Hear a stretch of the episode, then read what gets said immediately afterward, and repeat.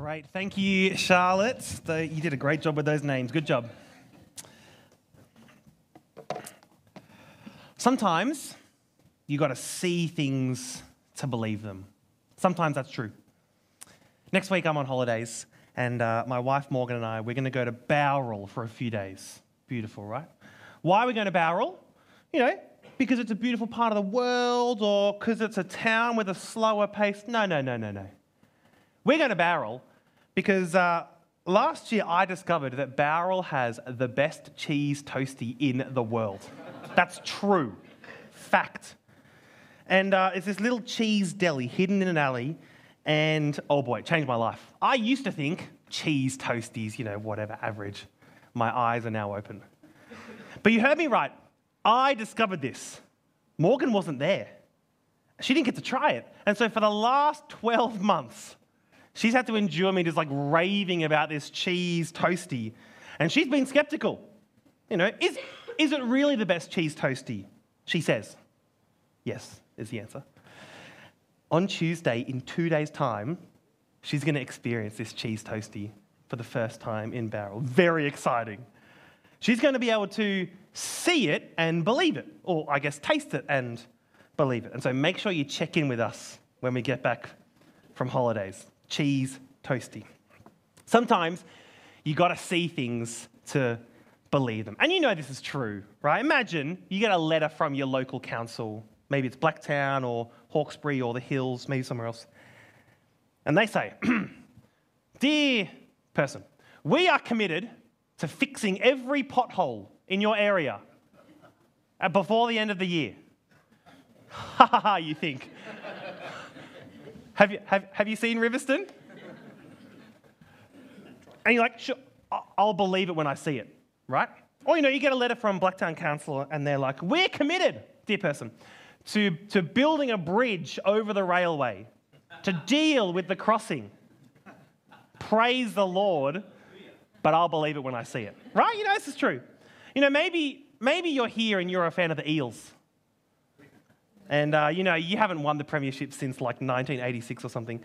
And so maybe, of course, your attitude tonight is going to be a bit like, I'll believe it when I see it. You know, you come in with low expectations, and I think it's pretty wise. Sometimes you've got to see things to believe it. And today in Ezra chapter 7, we're going to see something which might be quite hard to believe. Something that is profound and something that is immensely comforting, but might be a bit hard to believe. And we're not just going to see one little moment. No, no. This is something which has happened lots of times throughout the whole book of Ezra. And when something happens over and over and over again, it's even more convincing. It's even more trustworthy. And so the plan is I want to show you what it is, and I want to convince you that it's true. So let me pray that God would help me to do that. Let's pray together. Father, you are so kind to us.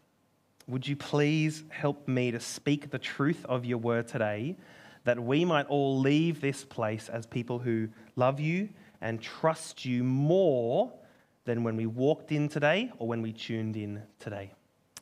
Amen. Well, let me remind you of the story so far. If you haven't been here over the past four weeks, this will be especially helpful for you. And a good way to split up the story is with the four Persian kings there's Cyrus, Darius, Xerxes, and Artaxerxes. So let me give you some background. God's people were exiled to Babylon from Jerusalem. The temple in Jerusalem was, was destroyed, the walls were destroyed, thousands of people taken as captive. Things are real bleak for God's people.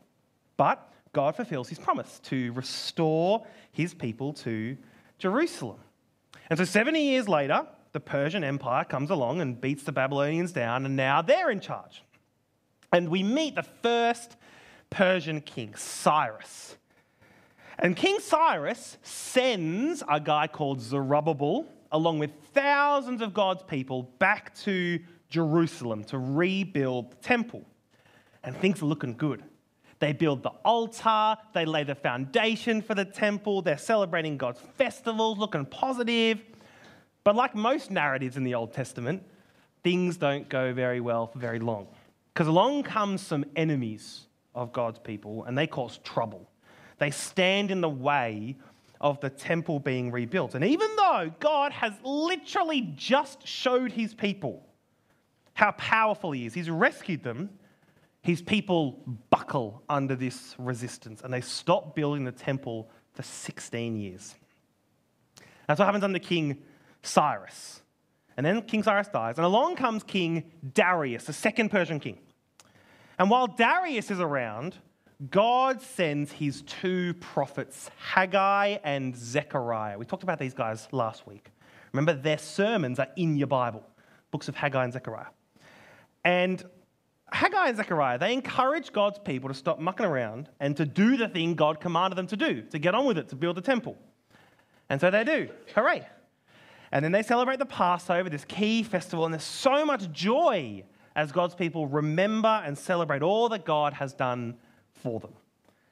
That's where we left it last week at the end of chapter 6.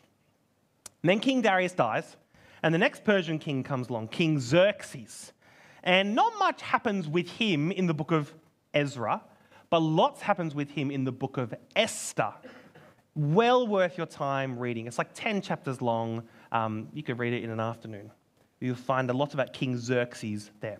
But then King Xerxes dies, and then along comes King Artaxerxes, and that's where we're up to. Artaxerxes is the king mentioned in chapter 7, verse 1. So, how good's memory? Cyrus, Darius, Xerxes, Artaxerxes, the four Persian kings. But Artaxerxes, he's not the only new character that we meet in Ezra chapter 7. Look with me at verse 1 if you've got it open there. After these things, that is, after everything that's happened in chapters 1 to 6, after these things, during the reign of Artaxerxes, king of Persia, Ezra, we finally meet Ezra, you know, the guy the book's named after. We finally meet him. And then we get Ezra's genealogy that Charlotte read out super well the big list of names that show his lineage. And the point of that being there is just to show that he's from a significant family in God's people. He's from the line of priests. See the end of verse 5? The genealogy ends with Aaron, the chief priest. That's why it's there. And then we get to verse 6. And Ezra is, is described as a scribe or, or teacher. That's the word. And we discover as we read King Artaxerxes' letter that the reason that Ezra is going to Jerusalem is to teach God's people about the law or about God's word. That's why he's going. And that is a really good thing for him to do. What a great reason. Why is that? Well, let's, let's just go on a little bit of a tangent, an important tangent, and talk about God's word. Why this is so good that Ezra is going. God's word is invaluable. You know, if there really is a God who rules over everything and everyone, like I'm convinced there is, maybe you're not yet convinced, but if there really is, and he speaks, wouldn't you want to know what he said? Right? You know, he knows everything and sees everything and understands everything on like a cosmic level. And he also knows and understands and loves you on a personal level. Like he's all over this and he's all over this. Wouldn't you want to hear what he tells us? What he commands us to do and be like? What brings him joy? What concerns him? Wouldn't you want to hear his answers to your questions? That's, that's what the Bible is God telling us everything that He needs us to know about Him and our world and ourselves. The theological language we like to use is that Scripture is sufficient, which just means the Bible is enough. And we also say that Scripture is authority, which just means what God says goes. What the Bible says goes. And it's when people don't treat the Bible with authority, or when people are careless with teaching the Bible, or people take like other things and treat those other things like God's word, that's, that's what causes problems in the church, in society. It's what causes divisions. And we can see so many examples of that. It's easy. Examples in the Bible, examples in church history, examples in the church today. And so Scripture is sufficient, Scripture is authority, and Scripture is invaluable. You know, in Psalm 19, Scripture is described as more precious than gold and sweeter than honey. Perhaps a more modern equivalent is Scripture is more precious than owning property in Sydney. It's true. And sweeter than a KFC zinger box. And so when you inevitably go to KFC this week, obviously, and you get that chicken, you take that first glorious bite, you can think, man, God's word is even better than this. It's a powerful image. And so it's good. It's good that Ezra is taking God's word to Jerusalem to teach God's people. And it's good that we spend time in God's word every Sunday. That's what we do. And we do it in our life groups, and we do it on our own and with our friends or family or kids or, or different people. That's good that we do that. And you know, we're given this really helpful language in Ezra chapter 7 about what Ezra does with God's word. I wonder if you notice it as it was being read out. It's in verse 10. This is what it says For Ezra had devoted himself to the study and observance of the law of the Lord and to teaching its decrees and laws in Israel. And so Ezra has devoted himself to three things. First, the study of the law of the Lord, of God's word. That is, reading, learning, pondering, clarifying, memorizing, that kind of thing. Second, he devoted himself to the observance of God's word. That is, not, not just reading and learning and, and knowing it, but following it, letting it shape his life and his thoughts and his decisions. And certainly in his context, following all the Old Testament uh, laws and rituals as well. And the third thing is, he devoted himself to teaching God's word. That is, taking what he's read and learnt and pondered and taking how it shaped his life and sharing that with other people, convincing people what God is like and how good His Word is. And I wonder, you know, as we kind of list those three things, I wonder if any of those kind of resonated with you. Maybe resonated with you as, as a next step as we're treasuring God's word. You know, is my next step that I need to study or, or know God's word better by reading it or, or listening to it or memorizing it or learning about it from others? Could that be your next step? Or is my next step that I need to observe God's word more carefully? You know, reflecting and, and identifying any kind of mismatch between how I'm living my life and how God wants me to live my life. And when you find that mismatch, you know, praying and asking God to help you realign yourself to Him. Or is my next step to teach God's word? Not necessarily up here on a Sunday preaching, I mean, it could be, but it could also be teaching children, you know, teaching your own kids or kids at scripture or kids in kids' church or teaching your neighbor or your friend about what you've learned in God's word this week or teaching your friends at life group, you know, whatever it is. So many ways to teach. And so I wonder if any of those just kind of resonate with you as a next step in treasuring God's word. You know, and if that's you, just lock that away. Like, don't forget how God might be encouraging you in this moment to take a next step in treasuring His word. End of tangent. Important tangent, but end of tangent. It's good for us to be reminded of all that. It's good to have that next step in mind, but we're still looking out for in our passage something else, something that we've got to see to believe. We're still looking out for that world class cheese toasty that you've got to see to believe. Let's go find it. In King Artaxerxes' letter, I wonder if you noticed this. As it was being read out, did you notice how generous the king was? Did you notice that? You know, verse 15 take all the silver and gold with you that we talked about verse 16, on top of that, take some other silver and gold. Verse 18, if there's any silver or gold left over, just do whatever you want with it, no accountability. Verse 20, and if there's anything else you need, just ask and we'll get it from the royal treasury, presumably more silver and gold. Verse 21, the treasurers in Jerusalem have to provide lots of other stuff, unlimited salt. Verse 24, this one's crazy. No taxes, tribute, or duty on any of the priests, Levites, musicians, gatekeepers, temple servants, or other workers at this house of God. That's generous. Right? This is a king with God's people as captives. That's generous. And so here's the key question we need to make sure we can answer Why is Artaxerxes like this? Why such generosity? What's the reason given? Have a look again at your Bibles. There's a clue in the letter, and I wonder if you noticed it as it was read out. It's in verse 23. See what Artaxerxes says?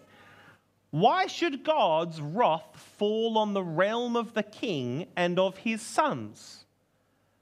Or, in other words, I'm doing all this so that your God's wrath won't fall on the realm of me, the king, and my sons. That's what he's saying. Let's make sure we just understand this. Artaxerxes, he was a pagan king. He believed in a multitude of gods, and so it made sense that the reason he was so generous to Ezra and God's people was because he wanted their God's favor. Add another God to the list. We've already got favor from the God of agriculture and grapevines and roads, whatever. Let's just add another one to the list the God of Israel. The more gods, the better. The more gods, the more blessing. That's what's happening. That's the reason that Artaxerxes gives in his official letter. That's why he's so generous. And so remember, the key question why does Artaxerxes do this? What's the answer? Because he wants blessings from all the gods he can get. That's why he does it.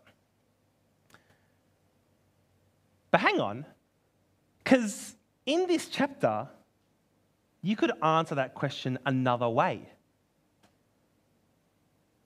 Have a look at verse 6, the second half of verse 6. The king, Artaxerxes, had granted Ezra everything he asked for because the hand of the Lord, his God, was on Ezra. Huh. Have a look at verse 27, just after the, the letter finishes. Praise be to the Lord, the God of our ancestors, who has put it into the king's heart to bring honor to the house of the Lord in Jerusalem in this way, and who has extended his good favor to me before the king and his advisors and all the king's powerful officials. Because the hand of the Lord my God was on me, I took courage and gathered leaders from Israel to go up with me. Same question. Why does Artaxerxes do this? Why is he so generous? Well, because, verse 6, God's hand was on Ezra. Because God was involved. Or because, verse 27, God put all of this into the king's heart. It's because God was involved. And so, which is it? Which is the right answer? Did Artaxerxes show God's people generosity, you know, to try and gain God's favor in his own kind of pagan way? Or did Artaxerxes show God's people show God's people generosity because God got involved and had his hand in the situation? Which one is it? The answer is both. They're both true. They're both right. The Bible is comfortable holding up both of those answers, even if they seem to be in tension with each other. People make real decisions and have real responsibility, and God is totally in control. And this is the thing that can be hard to believe sometimes. This is the world class cheese toasted that you have to see to believe. It's hard to believe because sometimes it just doesn't make sense. How can it be that I'm doing my own thing and making my own decisions, but God is also in control? How could that be? But that is the truth that the Bible presents. People make real decisions and have real responsibility, and God is totally in control. And here in Ezra 7, we can see it clear. The answer to the question about Artaxerxes is both. You know, I also said at the start that this isn't just one little moment. No, no. This is something which happens multiple times in the book of Ezra. And when something happens over and over and over again, it just becomes more convincing, more trustworthy. And so remember when I told you the background and I structured it around the four Persian kings? How's your memory? Cyrus, Darius, Xerxes, Artaxerxes. Remember that?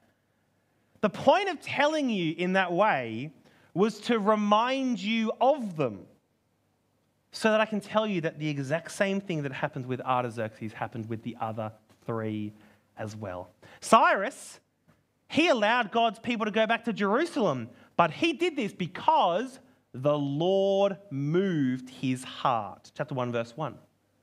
Darius allowed the temple to be rebuilt unhindered. He got rid of all the resistance. But he did this because God changed his attitude. Chapter 6, verse 22. Xerxes, again, Ezra doesn't talk very much about him, but if you go read the book of Esther, man, it's so clear. God is doing stuff, He is in control in that book. And now, here again with Artaxerxes, God has his hand in the situation, and the king gave Ezra all that he needed to go and teach God's word. Isn't that cool? Like, these are real historical decisions legitimately made by real historical kings, and God was totally in control the whole situation. That's true. There's a tension, but it's true. And in the same way, you know, I, Miles, I make real decisions and have real responsibility. Like, like I'm responsible for my sin. That's important. And God is totally in control of my life. Every aspect, every circumstance. And it's the same with you. Now, there's so much more we could say about this, so much deeper we could go. But I think more importantly, I want to tell you what this means for you, what this truth means. Because, man, this is a wonderful and satisfying and comforting truth. God is in control of my life. You know, the God who, again, sees all and knows all and understands all, the God who created me and knows me and loves me, He's in control of my life. The God who thinks that I'm so precious, it's amazing. He thinks I'm so precious that he would send Jesus to, to live and suffer and die for me, for anyone. He's in control of my life. That's amazing. That's the kind of God that you want in control of your life. And so it means that I can trust him and I can run to Him and I can pray to Him. And I can ask Him for forgiveness and I can rely on Him. And so can you. You know, when you invite someone to read the Bible with you or to come to church on Sunday or, or whatever it is, you can also trust that God is in control of their life. And so if they decide to come, you know, they make a real decision to come to church with you or whatever it is, God brought them. Like God thought it was a good idea for them to be here today, and so He brought them. Which, P.S., means that if you want to invite someone to something, church, women's night chapel, gingerbread, whatever it is, you should pray that God will bring them because God is in control of that. Like you're here today because God brought you here. You're watching online because God brought you here. You made a decision to come, of course, but God brought you here. And this isn't sometimes, It's not a switch he turns off and off, on and off or anything. This is all the time. It's in seasons of satisfaction and seasons of frustrations. You know, whether you joyfully strolled into church today or you felt like you needed to drag yourself here, He's in control and you can trust Him. That's hard, isn't it? That can be really hard to believe when things aren't going your way. Like I've been there. Come on, God. If, you're in control, then, then you dot, dot, dot, you do this, that, whatever it is. Like I've been there. You know, for Morgan and I, our plan and prayer for years was that we would end up at a different church after finishing Bible college. You know, we had dug our roots real deep at that church. And God just like ripped those roots out real painfully. And it was like, come on, God, you know, you were really in control. Then why this, then why that, and why aren't we staying in all this? It was a really frustrating season. And you know, we, we visited churches in North Sydney because there was a job there, and we were like, we don't belong here. North Sydney is not the place for the Stepnewskis. And it was months of trying our best to trust God, but just really struggling to. It was so hard. And then God brought us to Riverstone, and we are so thankful for Him. We're so thankful that the God who knows everything, who knows things better than us, who knows us better than we know ourselves, He brought us to the place that He wanted us to be. You know, sometimes you've got to see things to believe them. God was very kind in helping Morgan and I to see that He really is in control in that rough season. And He's also very kind in helping us see that truth in the Bible. And we see in Ezra, time and time again, people make decisions, people are responsible, and God is really in control. He really does shape every circumstance in our lives, and oh boy, is that a wonderful and comforting truth. Let's pray together. Father, again, you are so kind to us. Whatever our next step was in treasuring your word, we pray that you'd help us to take it. And, and Father, you tell us that you're in control, and so we ask that you'd help us to trust that. We particularly pray for those seasons where it's hard to trust you. We pray particularly for those who are facing those seasons right now. Father, please, in your kindness, would you clearly show us in those seasons that you are in control? Help us to believe it. Amen.